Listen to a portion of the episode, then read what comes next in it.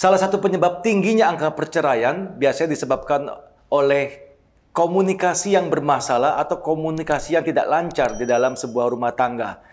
Dan begitu komunikasi terputus, maka keributan demi keributan itu akan terjadi begitu hebat dan begitu intens dalam sebuah rumah tangga. Dan pernikahan di mana di dalamnya tidak lagi bisa terdapat komunikasi yang bagus dan berkualitas antara suami dan istri maka tinggal tunggu waktu perceraian itu akan datang tanpa diharapkan. Nah, hari ini saya punya tamu yang spesial, sepasang suami istri. Beliau bernama Pak Jaliaman Sinaga dan Ibu Linda Sinaga. Sepasang suami istri yang banyak sekali melayani orang-orang yang sudah menikah dan memang pelayanan mereka berfokus kepada pelayanan rumah tangga atau pelayanan dalam pernikahan. Ada begitu banyak orang yang sudah dilayani lewat counseling, counseling dan juga lewat kelas-kelas yang yang beliau buat.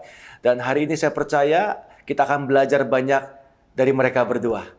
Nah, Pak Jaleman, Bu, uh, Bu Linda, selamat datang di Meet and Talks. Terima ya. kasih buat waktunya. Bukan bukan hal yang mudah sebetulnya kita bisa kumpul sama-sama hari ini ya. Rasanya uh, di masa-masa sekarang orang tuh di rumah aja nggak punya banyak kerjaan, lagi banyak nganggur. Dan saya baca berita belum lama di China hmm. angka perceraian hmm. itu meningkat selama masa pandemi corona. Ya. Dan salah satu penyebabnya adalah terjadi keributan-keributan yang hmm. diakibatkan oleh suami dan istri hmm. itu nggak bisa lagi bicara baik-baik, hmm. nggak hmm. bisa bicara seperti masa-masa di mana waktu mereka berpacaran. Ya, ya. Dan saya rasa di Indonesia juga akan mengalami hal yang sama karena yeah. komunikasi adalah problem yang terjadi di banyak perkawinan dan sayangnya nggak semua orang punya solusi atau punya jalan keluar. Jadi uh, saya ingin kita semua belajar hari ini dari Pak Jaliaman dan Ibu Linda. Silakan Pak atau Ibu siapa mau mulai terlebih dahulu. Oke baik. Uh, selamat malam saudara-saudara di mana pun saudara mendengarkan uh, percakapan ini kita berbicara tentang komunikasi, itu komunikasi hmm. adalah sesuatu yang sangat vital dalam pergaulan dalam kehidupan kita sehari-hari, apalagi dalam keluarga, pernikahan. Dalam pernikahan. Kenapa? Karena satu suksesnya satu hubungan ditentukan oleh komunikasi. Yes. Jadi uh, tidak mungkin ada satu uh, sukses satu hubungan tanpa adanya komunikasi. Bahkan ahli-ahli pernikahan berkata, komunikasi itu dianalogikan seperti darah dalam tubuh kita. Hmm. Jadi kalau darah itu sudah berhenti, stop, apa yang terjadi? Pasti Mati. kita tinggal dapat nama baru, almarhum. Nah, iya. sebenarnya dalam pernikahan juga begitu. Jadi kalau komunikasi suami dan istri tidak nyambung lagi, bukan hanya stroke. Kalau stroke diawali dengan stroke dulu. Iya. jadi sudah tidak nyambung lagi pasti akan terjadi ke sana. Ya. Jadi itu sesuatu yang sangat vital. Iya. Jadi sebenarnya komunikasi itu sebenarnya kan ter, uh, bukan tergantung kepada kita pandai berbicara. Ya, pandai berkata-kata ya. Iya, bukan pandai berkata-kata, tetapi bagaimana intinya komunikasi itu kan itu. Bagaimana yang saya sampaikan bagaimana yang saya maksudkan ketika saya berbicara dalam konteks pernikahan, pasangan Dapat saya diterima. bisa dimengerti ya. sebagaimana saya maksud. Ya. Betul ya, Ibu Betul. ya? Ya. Sama juga seperti istri saya. Ya. Nah, jadi ketika saya ingin sesuatu yang saya harapkan kepada suami saya, saya berbicara, ya. Saya rindu dia seperti itu. Tapi ada banyak wanita tidak berani berbicara. Itu masalahnya lagi. Iya. Kemudian bagaimana ketika suami berbicara dan istri berbicara, kita punya perbedaan. Karena ketika wanita berbicara, dia melibatkan perasaannya. Perasaan. Kalau pria, ketika dia berbicara, dia melibatkan logikanya. Nah, dari hal dua ini yang berbeda aja, ini bisa konflik. Iya. Nah, tanpa disadari ini bisa konflik. Nah, dan juga faktor yang lain ya. Kenapa waktu pranikah Pak Petrus ya biasanya waduh akur banget. Iya. Ya, cocok gitu ya. Tetapi sudah menikah setahun dua tahun cek cok gitu kan. Kenapa demikian? Nah begini. Karena waktu pacaran tuh selalu nyambung. Aneh ya? Iya nyambung terus. Sinyalnya kuat. Iya semua sinyalnya bisa nyambung betul karena waktu pacaran itu kenapa nyambung semua? Karena waktu pranikah itu kita biasanya hanya mengenal yang baik-baik, yang plus, yang plus. Oh. Ketika kita ketemu pun, wah dia sudah lagi pakaian rapi, sudah wangi, sudah cakep. Semuanya lagi bagus-bagusnya Nah, yang kita Tapi lihat. coba sudah married. Iya, baunya berubah tuh. Nah, kadang-kadang suaminya pergi kerja, kita pergi kerja, dia masih pakai daster. Kita pulang agak cepat sore, eh bajunya masih sama, tetapi aromanya sudah tambah lagi, tambah bawang, tambah apa lagi, tambah apa itu terasi lagi, tambah, aduh macam-macam. Jadi aromanya jadi, Iya. padahal kita di pekerjaan di luar sana lihat yang macam-macam. Wah ini salah Lihat, satu. lihat yang wangi-wangi. Iya lihat wangi-wangi. Yang muda-muda, yang seger-seger, yang Nah, wangi-wangi ya Pak ya. Itu satu ancaman, Iya, ya, satu ancaman. ancaman. Bukan berarti juga sesuatu yang ini. Jadi artinya kita lihat yang baik-baik aja. Makanya memang perlu, makanya di sini kita perlu melibatkan Tuhan. Sebab begini Pak Petrus, mengasihi istri dengan mengasihi pacar lebih enak mengasihi pacar. Kenapa Oh, bisa begitu? Mengasihi pacar, oh karena kita kan hanya tahu yang baik-baik semua, cantik, baik, ya. Mengasihi dalam dalam periode pacaran maksudnya Oh ya. iya betul. Kalau mengasihi istri perlu pengurapan khusus, Bahkan pengurapan tingkat tinggi. pengurapan tingkat tinggi. Sebab apa? Kita sudah menemukan hal-hal yang kita tidak cocok menurut kita. Iya, Karena dua pribadi kan tidak mungkin ada yang persis sama kan. iya. Pak Petrus juga Iya, bersaudara iya, pasti iya. kan bisa aja itu. Yang kembar sekalipun tidak ada yang persis sama. Iya. Apalagi suami istri. Iya. Saya ketemu istri saya, saya udah umur 20 sekitar 28 29. Ketemu. Ketemu Nah, du- Istri saya 29. sekitar umur 22. 22. Jadi bayangkan, 22 tahun sudah dibesarkan dengan gayanya keluarganya. Saya 28 tahun dengan gaya saya. Mm-mm. Nah, ketemu waktu sebelum pranikah belum kelihatan aslinya, Iya. baru fotokopinya. Iya. Nah, itu yang sering bisa kalau tidak dibereskan, itu yang membuat kita terjadi konflik dalam pernikahan, membuat konflik. Satu konflik tidak dibereskan, itu ibaratnya sakit penyakit. Stadium 1 tidak segera dituntaskan, naik stadium 2. Stadium 2 tidak diobati, naik terus sampai stadium akhir, tinggal. Setelah itu ketemu Yesus gitu ya. Nah, Nah, Gitu. yang yang begini harus kita ingat tentang komunikasi. Kalau kita punya masalah apa pun dalam pernikahan, memang tidak ada pernikahan yang tanpa masalah. Semua pasti punya masalah dalam pernikahan. Ketika kita masih bisa berkomunikasi, sekali lagi, walaupun kita punya masalah, tapi masih bisa berkomunikasi, itu harapannya besar. Selama, Tetapi selama maksud masih gini, bisa. masalah sebesar apa pun, Iya, selama masih bisa berkomunikasi, iya, itu masih ada peluang ya. iya, masih ada jalan keluar. Masih ada jalan keluar. Tapi begitu stop, iya. Nggak bisa Komunikasi. berkomunikasi, itu bisa menimbulkan masalah baru, masalah baru, masalah baru. Jadi jadi banyak. Ya, seperti apa tuh bola es yang bergulir, Bola salju. besar, besar, besar. Tiba-tiba ujungnya sampai ketemu di Pengadilan Negeri Jakarta Oh, Utara. Oke, Ke- kebanyakan kayak begitu ya. Iya, Nah, jadi saya ulang, sebetulnya kan komunikasi kan sesimpel itu. Apa yang ada di kepala saya dan yang saya mau seharusnya bisa tersampaikan dengan baik kepada pasangan saya, Betul, istri saya. betul, betul. Begitu juga istri, apa yang dia mau, apa yang ada di kepala dia, apa yang ada di hati dia, itu kan seharusnya bisa tersampaikan dengan baik oleh suami. iya, Sayangnya tidak begitu kan? betul. Contohnya saya kepengen duit nih, ya. Biasanya wanita nggak langsung bilang, beb, duitnya kurang enggak. Tapi dia bisa karena melibatkan tadi perasaan dan perbedaan. Wanita ngomong pakai perasaan. Lu tahu nggak beb, gula itu naik. Nah ngomongnya begitu. Iya. Jadi kan laki-laki pakai logika, gula naik, gitu Gula doang. naik ya udah, masalah naik ya udah. Kita tangkap kan pria kan begitu. Iya. Gula naik ya kita mau makan sekarang nggak ada perlu gula, ngapain cerita-cerita gula naik atau Jadi ini. salah sambung gitu Iya, dia. Padahal maksudnya Uang Butuh duit. Oh, duit Uang kalau belanja harus naik. Ah, gitu. Iya, jadi salah sambung, susah sinyal. Iya. Seperti susah. judul hari ini Dari kita. pria. Sinyal, betul. Misalkan dari pria juga kan, dia pulang dari luar rumah, dilihat istrinya matanya berkaca-kaca, gitu. Sebagai istri suami yang baik, dia tentunya samperin kan, Iya. dia samperin, hello sayang, ada apa? Kok kelihatannya kok kurang sukacita sore hari ini? Dia tanya ada apa? Saya jawabnya nggak ada apa-apa. Biasanya kalau ibu-ibu ditanya gitu kan, jawabnya Nggak ada apa-apa. Tapi mukanya nggak ada apa-apa. Iya. Sedih gitu. Karena dia bilang nggak apa-apa. Kita biasa. Kita laki-laki nangkapnya, dibilang nggak ada apa-apa ya sudah gua tinggal aja. Iya. Nah, Ternyata Dia jadi tinggal, apa-apa setelah dia itu. semakin itu semakin nangis bukan semakin ketawa. Kenapa? Kita pakai logika, dia pakai emosi. Jadi nggak nyambung. Ini yang kurang disadari ketika kita dalam pernikahan. Ternyata berkomunikasi antara suami dan istri itu punya perbedaan yang sangat besar. Ya, ketika kita saya memaksa pasangan saya menjadi seperti saya. Saya bilang nggak ada apa-apa karena saya berpikir begini. Lu itu ya udah lihat muka gua kayak pepaya gini. Kenapa lu nggak ngerti? Kenapa lu nggak ngerti? Pakai perasaan sedikit dong. Iya. Gitu.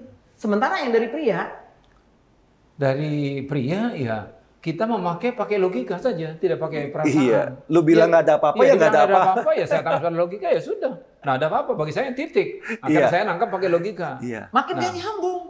Bukan nggak nyambung. Dan ini kalau didiamkan, numpuk, numpuk, Iya. numpuk satu saat, bom waktu meledak. Ya, ada lagi satu contoh yang sering terjadi begini. Laki-laki itu kan sering cepat lupa. Betul. Indahnya dia cepat melupakan kalau dia istrinya berbuat salah. Kalau Iya. wanita tuh ingat terus Iya. kejadian. Jadi dia suatu saat dia masih ngetes gini. Ingat nggak lu dulu waktu lu nembak gue di mana? Dia, dia lupa. Tapi kalau saya enggak lupa loh. Eh, ya kamu khusus orang khusus. Iya. Soalnya kalau Dia bilang lupa bahaya masuk TV nih pak. Iya. Nggak boleh bilang lupa. Sofanya aja saya mesti Lah. ingat. Sofanya warna lupa. apa. Ingat nggak? Gue pakai baju apa waktu itu ya? Dia ingin sebenarnya wanita ini karena Kamu kan baru baru keramas waktu pertama saya emosinya gitu ya. Dia kepingin kembali mengenang masa lalunya, tapi si pria jawab apa ya? Kapan itu ya? Kapan itu? Ah, lu berarti nggak lu nggak sayang dong sama gue? Sensi lagi. Iya sensi lagi, belum lagi masalah-masalah pribadi dia. Iya. Iya. Luka-luka lama yang belum selesai itu berbahaya sekali, menghambat komunikasi. Pernah satu waktu, ya makanya dalam berkomunikasi ini perlu juga apa ya? Namanya apa itu? Eh, konfirmasi ya. Konfirmasi. Konfirmasi. Jadi pernah cerita gini satu waktu Pak Petrus. Klarifikasi. Ya klarifikasi. Pernah satu waktu makan siang, ya. Waktu itu kantor kami masih di Tanjung Duren. Makan siang, saya dia suka telepon. Dia nelpon, lagi makan siang. Di mana? Di mana Beb makan siangnya? Saya di ini di dekat Tanjung Duren itu kan ada rumah makan Semarang. Kantin. Mm-mm. Ya kantin Semarang. Saya bilang, oh gitu, ya. Terus setelah saya pulang ke rumah, ternyata Saya rapiin baju suami saya, Iya. saya lihat di kantong bajunya, ternyata makan di Citraland. Ada satu bon panjang makan di Citraland dan uang itu banyak banget habis gitu loh. Saya udah bisa bayangin nih ujung-ujung. Iya, nah itu jadi coba, coba. udah mulai, hah? Begitu dia keluar kamar mandi, Lu bohong "Beb, ya? Lu itu makan di mana sih sebenarnya? Kantin, kantin Semarang. Di mana? Yang bener aja ngaku sebenarnya ada di mana? Kantin Semarang. Loh ini bon ini apa? Oh, baru dia cerita. Cerita. Jadi ceritanya begini. Teman-teman tadi ada beberapa orang makan di Citraland, saya di Semarang, warung makan Semarang. Mereka cerita, eh di Citraland tuh ada Restoran ada baru. restoran baru, enak dan harganya juga Terjangkau. terjangkau, nggak mahal. Di mana? Saya bilang di lantai sekian. Ah udah deh, daripada repot-repot saya jelasin ini aja untuk Pak Sinaga nih. Saya kasih aja ini Notanya. notanya bilnya ini supaya Pak Sinaga nanti kalau kapan-kapan bisa pergi sendiri. Oh. Saya masukkanlah di kantong saya. Nah, Jadi makan kagak bisa ribut malah iya Iya, kejadian. makanya itu. Iya. Makanya perlu apa tadi? Klarifikasi. klarifikasi ya. lebih baik daripada konfrontasi. Nah, Iya. jadi, Jadi, saya sering gitu, apalagi wanita denger ya, eh gue gue lihat laki lu tuh di mall tuh sama cewek, udah langsung pulang eh, gitu. Iya. Padahal dia nggak tahu. Dia bisa aja sam- ketemu di situ sama orang atau bisa juga ketemu sama saudaranya Iya, dari luar ketemu kota baru yang kan. belum Iya, belum iya. kenal dia. Kebetulan ini istrinya belum kenal dengan Mm-mm. Jadi Nah. betapa penting kita klarifikasi, Iya, iya. dikelirkan. Iya. Jadi selain masalah komunikasi itu bisa bermasalah yang yang laki-laki pakai logika, yang Hmm, perempuan pakai pakai perasaan. Penyebab kedua menurut Pak Jaleman atau Ibu gimana? Itu apa? perusak komunikasi. Iya, yang merusak komunikasi. Iya, yang merusak komunikasi antara uh, yang sering dialami oleh setiap pernikahan dalam perjalanan hidup ini. Kita kan tidak selalu mulus. Betul. Bisa saja begini, secara gampangnya gini, orang yang paling berpotensi melukai hati saya adalah orang yang paling saya cintai. Ya. Contohnya sebelah ya. Nah, ini Oh, iya. sebelah saya. Pulang, pulang jangan berantem. ya. Kenapa begini? Uh, filosofinya begini, semakin saya sering ketemu dengan seseorang, semakin besar potensi untuk terjadi gesekan. Konflik, iya. Misalkan kalau saya jarang ketemu sama Pak Petrus, nggak mungkin dong saya sakit hati ataupun Pak Petrus, ah, sakit hati saya sama Pak Jaliaman, nggak mungkin kan? Iya, karena kita nggak kenal. Ah, tapi kalau kita semakin sering ketemu, Dekat. tiap hari ketemu, Makin banyak kita sesuatu, tahu. ah, Terjadi gesek. bisa terjadi miskomunikasi, Iya. cara Pak Petrus mengungkapkan sesuatu, cara saya mungkin nadanya agak tinggi atau aduh Pak Jaliam kenapa kok langsung ngomong nadanya tinggi gitu. Jadi bisa terjadi ya. Ya, saya Nah. mungkin ngomong lebih terbuka karena ngerasa udah deket, bukan Nah, orang nah, jauh betul. lagi. Jadi saya akan berekspresi dengan bebas Jadi, dengan gaya prinsip- saya. Uh, filosofinya begitu. Semakin kita sering bertemu, nah suami istri kan memang harus tinggal sama-sama. Mm-mm. Jadi kalau suami istri memang diusahakan jangan LDR. Untuk LDR, bukan Oh. LRT. Jadi jangan jangan long distance, Long distance relationship. relationship, Memang banyak iya. bisa dikerjakan sekarang ini dengan teknologi, Iya. tapi ada banyak hal tidak bisa touching, tidak Iya. bisa dilakukan, Iya. dilakukan. Jadi se kalau memang pranikah, ya kalau memang harus demikian, nah itu lagi lain lagi nanti itunya, topiknya lain lagi. Iya, kalau pranikah LDR lain lagi Iya. topiknya. Nah jadi karena sering ketemu, maka bisa terjadi apa? Kecewa, sakit hati, Gesekan. gesekan ya. Nah, karena itu kita belajar kalau terjadi gesekan, kita harus segera secepat mungkin asap as soon as possible kita selesaikan masalahnya. Kan jelas firman Tuhan berkata, kalau engkau marah, Jangan simpan amarahmu marahmu sampai sunset. matahari terbenam. Nah, kadang-kadang kita rubah kebenaran ini kan. Kadang-kadang ah bapak aja kagak ngerti, sakit pak, minggu terbenam, oh bapak aja nggak merasa. Bulan terbenam, kadang-kadang tahun terbenam. Padahal kebenaran ini berkata kan, jangan sampai matahari terbenam. Iya. Nah ini memang perlu perjuangan. Iya. Ya. Kalau kita berusaha berjuang minta kekuatan sama Tuhan, Tuhan pasti kasih. Iya. Ya. Sama ini pengalaman kami tidak ini. Saya nggak bicara, saya nggak munafik. Saya pun sering sakit hati ya. Istri saya pun bisa kecewa sama saya. Tapi kami belajar selalu untuk menyelesaikan secepat mungkin. Ya. Jadi bisa bisa kita bilang faktor kedua, Kedua. kenapa terjadi banyak masalah dalam berkomunikasi adalah nggak terbuka ya. Bukan Ah, sakit Ya, hati yang sakit tidak hati yang dibereskan. tidak dibereskan. Iya itu iya. Ya. Maksudnya nggak berani jujur. Apa yang dia rasa nggak Ah, diomongin disimpan. sama pasangan disimpan, tahu-tahu meledak aja. Meledak aja betul. betul. Jadi Iya. sakit hati tetapi tidak dibereskan. Makanya kami berdua punya ini, Quote. punya punya quote. Quotes. Jadi saudara-saudara di rumah boleh catat Ya. ya. Kecewa, Sakit hati, mampir boleh. nginep jangan. Jangan. Apalagi Apalagi ngekos. ngekos. Mahal Mahal harganya. Nah. Eh, satu lagi, satu lagi. Iya. Supaya jangan lupa. Tadi Iya. mungkin ada yang ke mana-mana lagi jalan pendengar ya. Supaya jelas lagi. ya. Kecewa, Kecewa, sakit, hati, mampir boleh, nginep jangan. apalagi ngekos, mahal harganya. Apalagi ngontrak lebih Wah, mahal. lebih mahal lagi. Kontrak lebih mahal. Lebih mahal kontrak lagi. sebenarnya masuk. ICU nanti. Iya. Sudah masuk iya, ICU itu. iya. Tapi gini loh Pak, eh, saya mau tanya ya. Hmm. Kalau kita bicara begini, di mana kita sama pasangan kita lagi lumayan baik, itu kan gampang ya. Semua Iya. kan nyambung, semua enak. Tapi kan ada masa-masa dalam pernikahan itu kan jalan kan nggak selalu mulus seperti kata Bapak tadi. Betul. Ada masa-masa di mana kita mulai banyak konflik atau cinta udah mulai habis, bulan madu habis, Hmm. dan kalau sudah mulai banyak konflik kan penerimaan kan juga pasti berkurang. Hmm. Nah, kalau misalnya mulai menjauh nih hubungan suami istri, Hmm. komunikasi pasti rusak. Nah itu kan nggak bisa nyambung dong ngomong. Itu gara-gara odol bisa berantem, gara-gara anduk bisa ribut, gara-gara ngomong ngomong ngomong hal-hal kecil bisa bisa jadi konflik besar. Nah ba- bagaimana eh, untuk kita orang tuh mengatasi pada waktu ada dalam situasi seperti itu? Kalau menurut saya konflik itu harus dibe- segera dibereskan. Jadi seni mengelola konflik. Jadi satu pernikahan itu harus belajar bagaimana seni mengelola konflik. Karena konflik itu tidak akan terhindarkan dalam setiap pernikahan. Betul. Karena dengar baik-baik, pernikahan bahagia bukan absen dari masalah. Tetapi pernikahan bahagia atas anugerah Tuhan berhasil Mengatasi, mengatasi setiap, setiap, masalah. masalah. Oke. Sehingga mereka keluar, Keluar sebagai, sebagai pemenang. pemenang. Jadi setiap pasangan suami istri harus dewasa, bisa mengelola konflik dalam kehidupannya, sehingga mereka bisa berkomunikasi dengan baik. Karena kalau sakit hati didiemin, konflik akhirnya luka, ngomong satu aja salah, Betul. sensi gitu. Iya, bisa ribut besar tuh. Waduh, lu nyindir gue ya?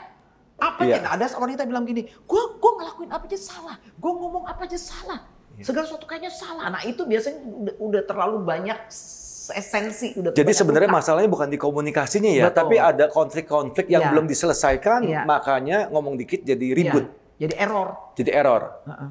Nah berarti orang-orang yang nggak punya pemahaman ini, maksudnya mereka yang begitu ada masalah cenderung nyimpen karena masih kesel, karena apa? Memang nggak ada jalan keluar dong. Ya, mereka harus yang namanya bisa self feeling. Kedewasaan, di Kedewasaan. dalam jiwa mereka ya. Betul. Makanya betapa penting satu pribadi itu harus dekat dengan Tuhan. Iya. Suami membawa istri dan anak-anaknya untuk melakukan mesbah. Iya. Tetapi betapa penting juga kita secara pribadi kita membangun keintiman dengan Tuhan. Mm-mm. Jadi karena apa? Komunikasi secara horizontal itu akan terjadi dengan baik ketika komunikasi kita secara vertikal dengan Iya. Tuhan itu baik. Iya. Saya yakin orang yang sungguh-sungguh intim dengan Tuhan, dia akan membangun hubungan dengan pasangannya dengan baik. Contohnya dia mengecewakan, tapi karena hubungan saya sama Tuhan dengan baik, yaudah deh, aku lepaskan pengampunan. Iya. Itu gampang. Iya. Tapi ketika saya hubungan dengan Tuhan nggak baik, wah, ntar dulu ya. Kesesama juga jelek Iya. semua. Nah, biasanya kalau suami istri udah nggak baik, ini kasihannya anak-anak. Betul. Anak-anak bisa kena apa namanya? Kena dampak. Iya. ya. Anak nggak salah dimarahin. Iya. Nanti anak kalau makanya hubungan suami istri yang baik itu berdampak kepada hubungan orang tua dengan anak jadi baik. Iya. Biasanya anak bermasalah itu awalnya itu karena hubungan suami istri yang kurang baik. Bukan masalah faktor yang lain, bukan faktor luar ya. Iya, artinya Tapi- faktor luar juga ada, tetapi Iya. artinya yang paling kuat Paling besar. Dari paling dalam besar. rumah Iya, menciptakan anak-anak itu seperti apa? betul. Walaupun dari luar ada, tetapi kalau hubungan orang tua baik dengan orang tua dengan anak baik, biasanya anak itu bisa tertolong. Iya. Hubungan suami istri baik, maka orang tua dan anak Iya. baik. Nah, saya tertarik dengan tadi Bu Linda bilang bahwa penting di dalam sebuah pernikahan baik suami maupun istri sama-sama takut Tuhan ya. Ya. Karena begitu kedua-dua takut Tuhan, mereka tahu tujuan yang sama, contoh yang sama, maka semua konflik itu akan lebih mudah untuk diselesaikan. Betul. Tapi bagaimana kalau salah satu pasangan itu belum kenal Tuhan? Yang mana dulu nih? Ada yang prianya belum kenal atau Iya, salah istrinya? salah satu atau ada Kalau dua yang dua belum pendekatan kenal ya. Istrinya masih lebih gampang karena dia imam kan. Iya. Kalau istrinya belum kenal Tuhan, suaminya sudah kenal Tuhan lebih gampang. Lebih gampang karena dia kan perannya kan imam, pemimpin. Pemimpin. Bisa dia- eh, diajak istri yang ikut ya. Iya, yang agak berat itu suami yang belum mau, istri Yang yang sudah. sudah. Istri sudah kenal Tuhan, suami belum. Tapi pesan saya, kalau istri yang sudah, jangan istri khotbahin suaminya. Karena tidak ada suami yang bertobat karena khotbah Istri. Karena kekuatan laki-laki itu bukan mendengar. Kekuatan laki-laki itu melihat. Nanti dia nggak dengar firman, dia baca firman tuh. Tuh tadi lu sih nggak dengar tuh firman Tuhan tuh bagus tuh. Is- Istri suaminya digituin terus. Lo kawin aja udah sama dia. Biasanya kan suami begitu kan. Tapi Makanya- kalau suami melihat ya istrinya saya yang ngerti. saleh, Nah, yang sungguh-sungguh cinta Tuhan. Gue sudah perbuatan begini, istri gue nih kenapa kok tetap kok tetap baik sama gue ya? tetap Kok dia melayani. tetap melayani saya? Pesan saya istri Nah, walaupun suamimu belum sungguh-sungguh dalam Tuhan harus melayani suami dengan Oke. baik. Kan itu ada di Petrus, Iya. seperti nama pastor. Iya, iya, iya. Satu Petrus Iya, kan. iya, Ya, iya. Jadi dia bilang, jadi bukan karena khotbah istrinya, tetapi Tapi karena karena melihat. melihat perbuatan. Jadi saya nggak bisa merubah yang namanya jaliaman. Jadi ingat itu, Mm-mm. saya nggak bisa rubah pasangan saya. Tetapi yang saya bisa rubah respon saya. Ketika suami saya belum mengerti kebenaran firman Tuhan, belum bisa menjalankan seperti apa yang Tuhan mau, saya yang merubah diri saya.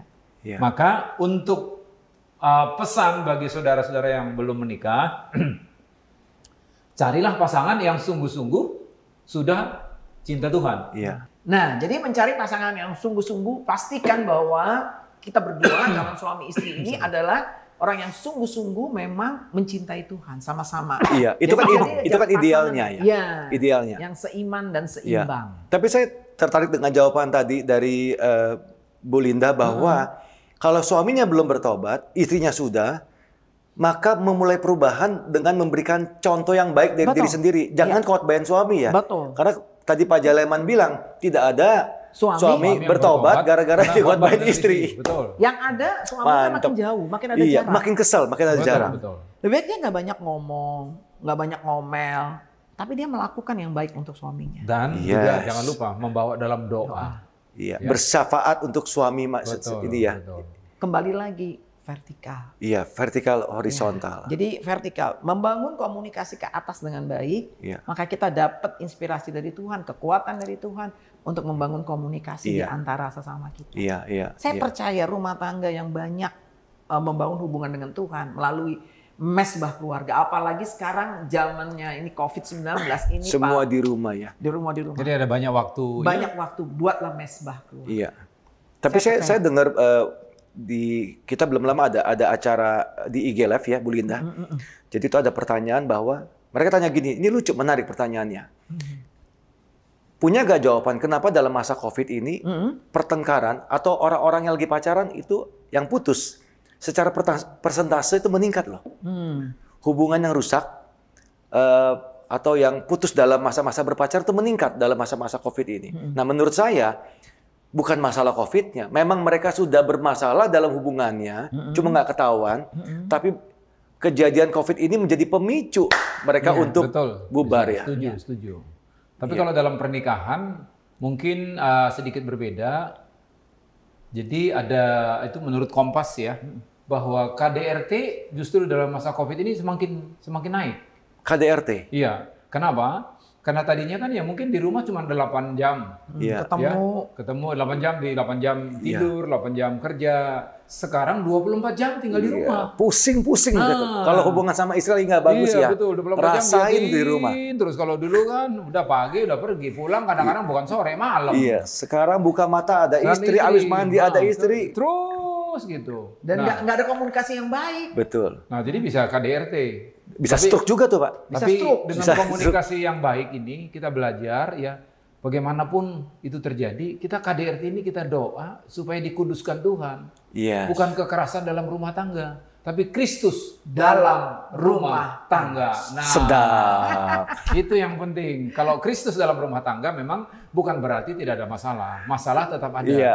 Tapi kita berdua bisa Menghadapi. menyelesaikannya. Karena ingat tadi keluarga bahagia bukan absen dari masalah, tetapi berhasil kata kuncinya. Menyelesaikan masalah. yang masalah. masalah. Itulah keluarga harmonis, keluarga bahagia Iya. dan yang diberkati Tuhan. Iya. Berarti ketika saya kecewa, saya berhasil untuk membalut luka hati saya. Self healing lah. Ngapain gue kecewa?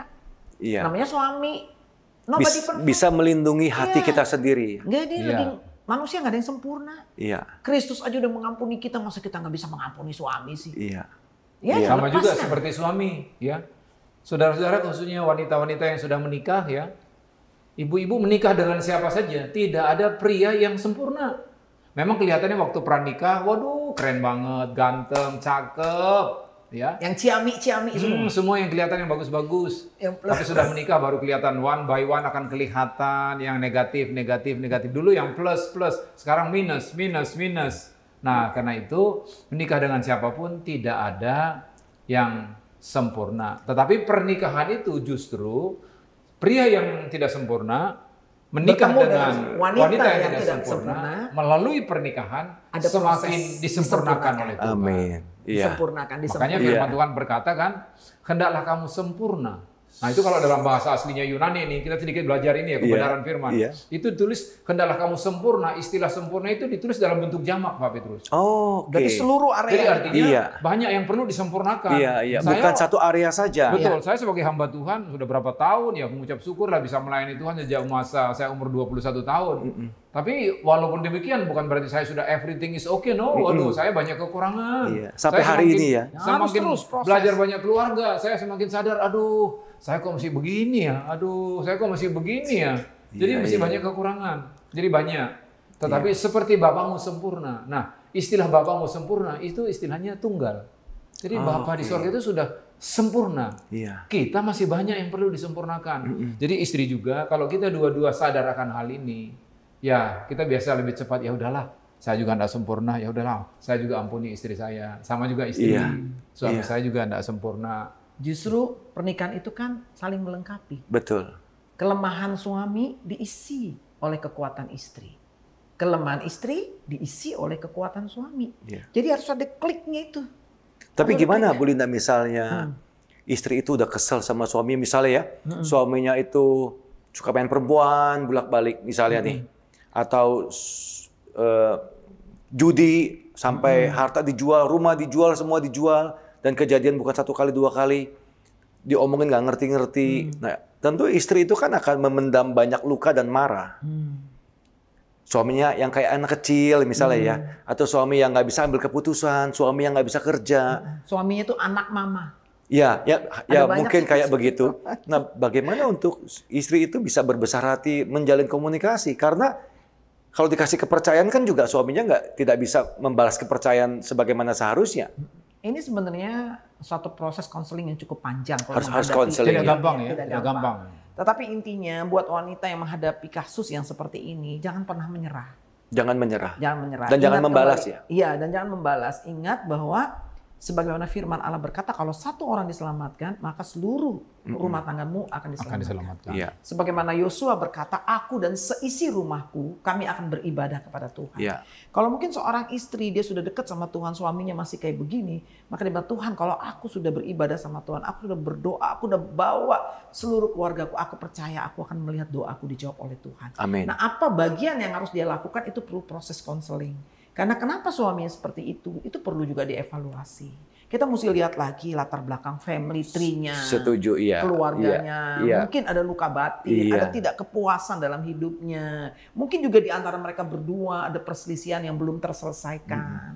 Ada banyak, ada banyak hal, tapi intinya buat wanita jangan putus asa.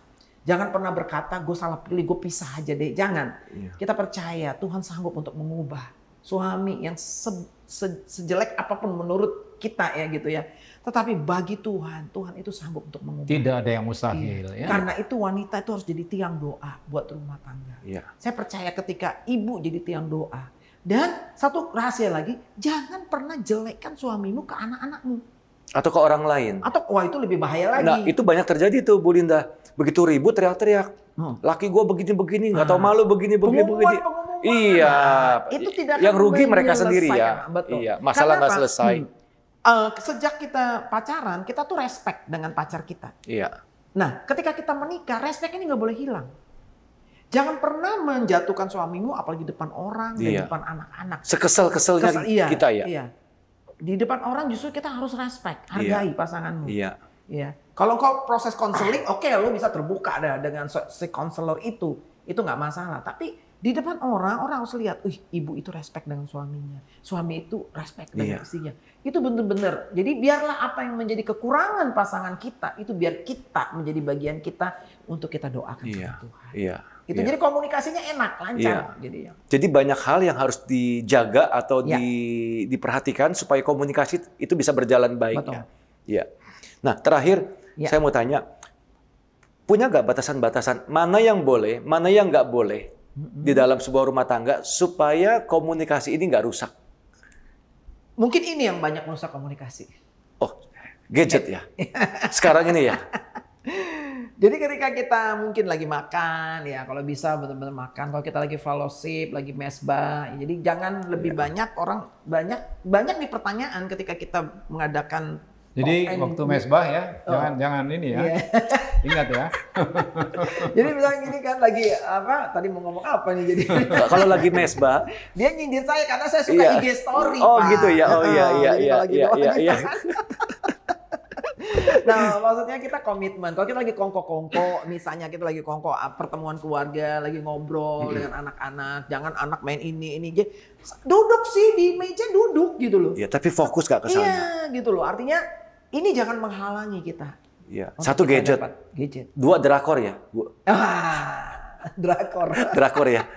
Sekarang is- istri-istri itu bisa bisa berjam-jam nonton drama Korea, nangis Drama sendiri, Korea. teriak sendiri, gila sendiri, sadar sendiri kan. ya syukur kalau sadar. Kalau sadar, ya. Syukur kalau Iya. sadar. Ya, Iya. Kalau enggak ini yang repot. Yang bahaya itu kalau nonton drakor, dilihat ngelihat cowok ganteng-ganteng, begitu selesai ngelihat laki udah peot, udah tua, waduh. Kenapa Iya, nggak kayak iya. yang di gue di, Iya. di drakor ya? Betul, betul. Tapi jangan menghakimi, jangan berasumsi penting dalam berkomunikasi ya. Iya. Nah, satu lagi kita ngomong asumsi yang Iya. banyak eh, membuat stuck dalam komunikasi. Salah satunya yang namanya komunikasi asumsi. asumsi. Betul. Iya. Komunikasi asumsi berkata begini, mestinya lu tahu dong. Nah itu parah. Iya. Mestinya lu udah nikah sama gue, lu tahu dong. Karena Padahal dia nggak pernah ngomong Iya. apa yang dia mau. Orang belum tentu tahu apa yang sedang Betul. kita Jadi bicarakan. misalkan begini, Itu satu. kita kan sudah nikah puluhan tahun. Masa lu nggak Masa ngerti? lu nggak tahu makanan kesukaan Nah, saya? padahal Masa nggak lu- pernah ngomong. Masa lu nggak nggak tahu apa yang saya sukai? Iya. Nah ini. Ini sampai diranjang juga. Iya. Dia nggak pernah ngomong bagaimana supaya membahagiakan pasangannya.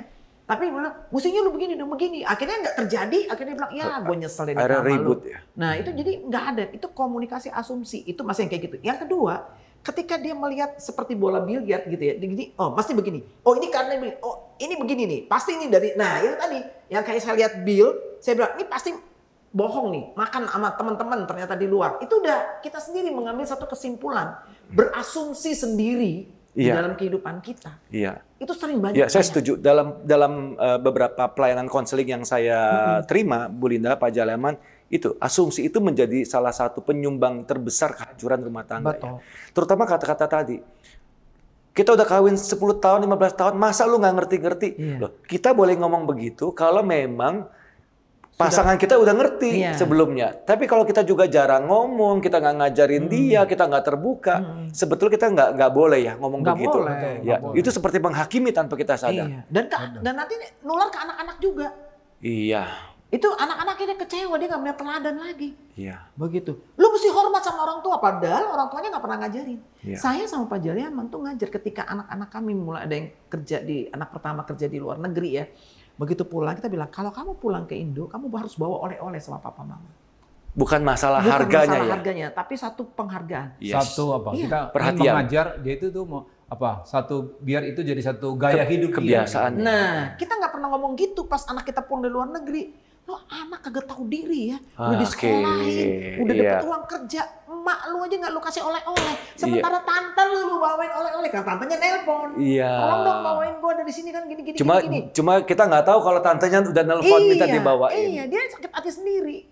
Ini namanya komunikasi Iya. asumsi. Iya, iya, iya, Ini bahaya banget. Iya. Bayangkan apa yang terjadi dengan keluarga kita masing-masing, ter- termasuk Anda semua. Kalau kita banyak berasumsi seperti ini ya, Bu ya. Terus satu lagi yang tidak boleh ya, yang betul betul tidak boleh. Kita dalam berkomunikasi suami istri betul-betul yang harus kita hindari itu dusta.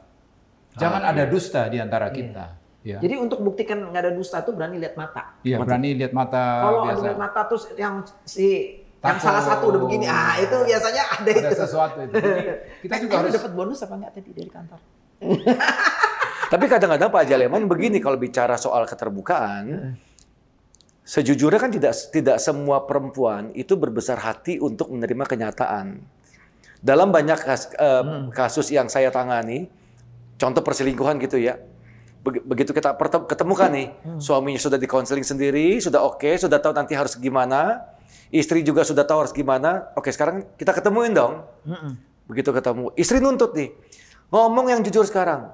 Selain si Ani, berapa cewek lagi yang yang lu jalan? Lakinya bilang ada empat.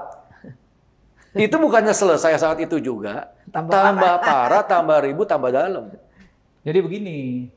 eh, Kalau yang kayak begitu mungkin kita, kita perlu harus berhikmat juga. Iya. Jadi jujur, saya katakan jujur itu bukan berarti ada hal-hal yang tidak perlu kita beritahu. Ya. Kalau memang informasi itu membuat pasangan kita tambah tidak baik, buat apa? Kan ini keterbukaan itu maksudnya untuk kebaikan toh.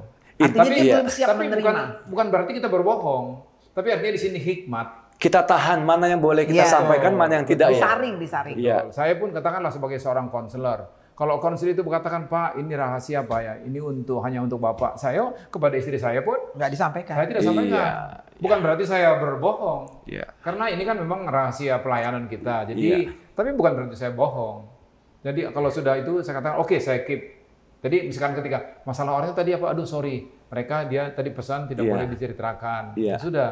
Dengan kata lain, kalau kita punya istri model sumbu pendek, diperlukan juga hikmat dari kita sebagai suami untuk mana yang boleh kita ngomong, mana enggak dong. Kan Kalau- saling mengenal, makin men- menikah kan sambil uh, terus Dan biasanya mengenal. uang itu itu sensitif sekali itu uang. Iya. Ya. Jadi misalkan kita jujur juga. kita bantu siapa, kita kasih Betul. orang tua Kita- kita. Eh, Jangan- tapi nggak boleh loh, Pak, diem-diem bantu orang tua Jangan tanpa kita diam-diam. sepengetahuan Nggak boleh ya? Nggak boleh. Itu dalam tips dalam pernikahan itu nggak Iya. boleh. Karena kadang-kadang misalnya kita bantu orang tua, istri model sumbu pendek nih. Bisa ribut tuh bagaimana? Tetap Jadi terbuka. gini, prinsipnya kita harus belajar dulu.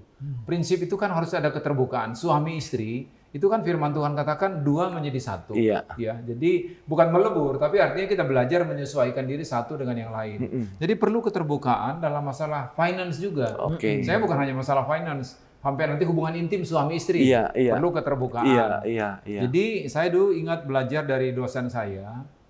Dia berkata begini, nanti kalau sudah menikah, kalian sebagai mahasiswa, nanti kalau kalian sebagai suami dan wanita sebagai istri, kalau suami memberikan rindu memberikan berkat bagi misalkan Keluarganya. tahun baru ya Imlek atau hari-hari raya tertentu ada keluarga datang Bantu biaya jangan juga. pria diam-diam kasih kepada keluarganya bisa jadi masalah. tapi kalian harus rundingan justru pihak istri yang memberikan kepada keluarga laki-laki Hmm. dan itu mengikat hubungan keluarga Iya, di keluarga besar. Nah, Pak Petrus, ini kami praktekin sudah jalan 35 tahun. 35 tahun. Dalam keluarga kami, ini betul-betul Efektif. eh, efektif.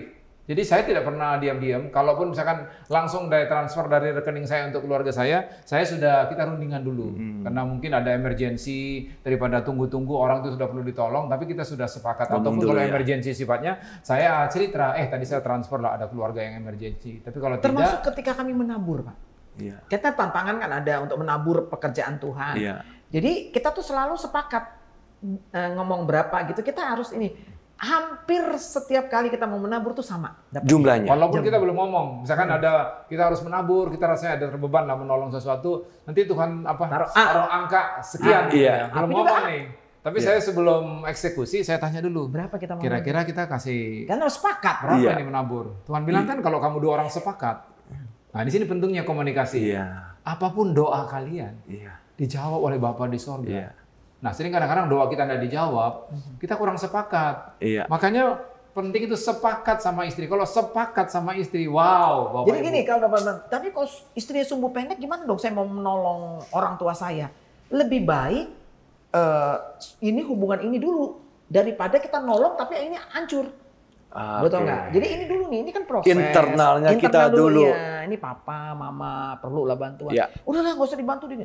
Besok ngomong lagi, ini kayaknya butuh loh dia nih. Jadi, Nah, intinya itu- nggak boleh melangkah Iya, sebelum sepakat. Betul. Betul sekali. Aku hargai kamu, justru aku tanya kamu karena kita ini udah dipersatukan. Oke. Seperti itu. Banyak keluarga hancur begitu. Iya, diem-diem. betul, betul, betul. Nah, bahayanya nih kalau bicara keuangan, ketika istri kerja, suami kan kerja, istri kerja, dia bilang, uangmu, dibilang sama suami, Uangku. uangmu, uangku, Iya. tapi uangku, Ku, uangku. uangku.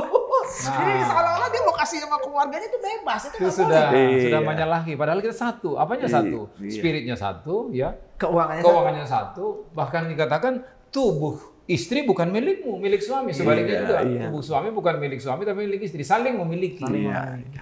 Oke. Oke, oke. Jadi Oke. Apa ini lagi yang terakhir? Ya, buat terakhir punya tips nggak Pak Jaleman, Bu Linda silakan sampaikan kepada semua yang eh, lihat acara kita hari ini. Dari saya, komunikasi kita itu perlu kita rawat bagaimana supaya terus kita bisa menjaga komunikasi yang baik ya. Karena sepanjang pernikahan itu pasti konflik itu pasti ada terjadi. Miskomunikasi itu pun sesuatu. Tapi mari kita belajar merawat satu komunikasi ini karena pernikahan yang baik itu perlu upaya dua belah pihak. Tapi kalau untuk menghancurkan pernikahan cukup satu, Satu- pihak, satu pihak. saja. Jadi mari kita belajar bagaimana merawat komunikasi kita. Mungkin komunikasi pasangan kita gayanya begitu, ya kita belajar memahami, mengerti dan menerima. Mungkin eh, anak-anak kita pun komunikasinya tiga anak bapak ibu saudara, gayanya juga tiga. Jadi kita juga belajar memahami komunikasi, menerima dan me- menerima dan memahami gaya mereka. Saya kira itu dari saya tipsnya. Dari ibu mungkin silahkan. Iya, jadi ingat bahwa komunikasi di dalam komunikasi di dalam pernikahan itu tidak terjadi dengan sendirinya. Perlu diupayakan sepanjang usia pernikahan kita. Kita harus belajar terus untuk berkomunikasi dengan baik. Bangunlah hubungan dengan Tuhan dengan baik secara vertikal. Maka secara horizontal kita pun akan menjadi komunikator Jadi komunikator sepanjang usia, Usia pernikahan kita, ya. Iya, seperti itu. Saya kira itu kata-kata terakhir dari kami perlu merawat bukan hanya di awal pernikahan. Nah, sa- oh, Tapi- iya satu lagi ini yang tips dari saya. Untuk menjadi untuk punya, bisa berkomunikasi dengan baik itu butuh waktu. Butuh waktu. Jadi siapkan waktu. Walaupun nanti kita sudah lewat masa pandemik ini, ya kita mungkin udah bekerja, tapi ingat kita butuh waktu kebersamaan. Karena untuk mengutarakan isi hati. Ada orang bilang gini, ah yang penting ketemu 10 menit nggak bisa. Quality time yang penting. Quality time itu butuh kuantitas juga. Kuantitas itu butuh. Jadi kita, quality quality time yang baik itu ada di dalam kualitas eh, waktu cukup. yang cukup. Itu itu. Jadi mari eh, perhatikan ini di tengah-tengah keluarga kita. Kalau Anda suka dengan acara-acara kami hari ini, jangan lupa subscribe dan tekan tombol lonceng LGF Church. Tuhan Yesus memberkati. Tuhan Yesus memberkati saudara-saudara di mana pun Anda berada.